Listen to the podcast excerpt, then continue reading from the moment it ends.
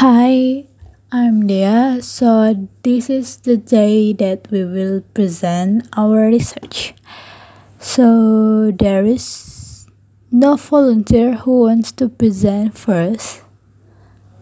So, Miss Nopi just randomly choose the number, mm, but I forgot the number, but it was Dewi Anggita.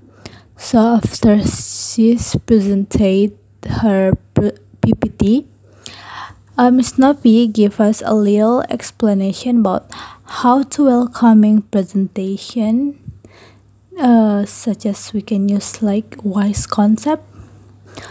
And also she's correcting uh, uh, the grammar on the on the PPT and also uh, the use of pictures on PPT and move to the next presentation and it was it is and she's used wise concept in the beginning of presentation and it was good.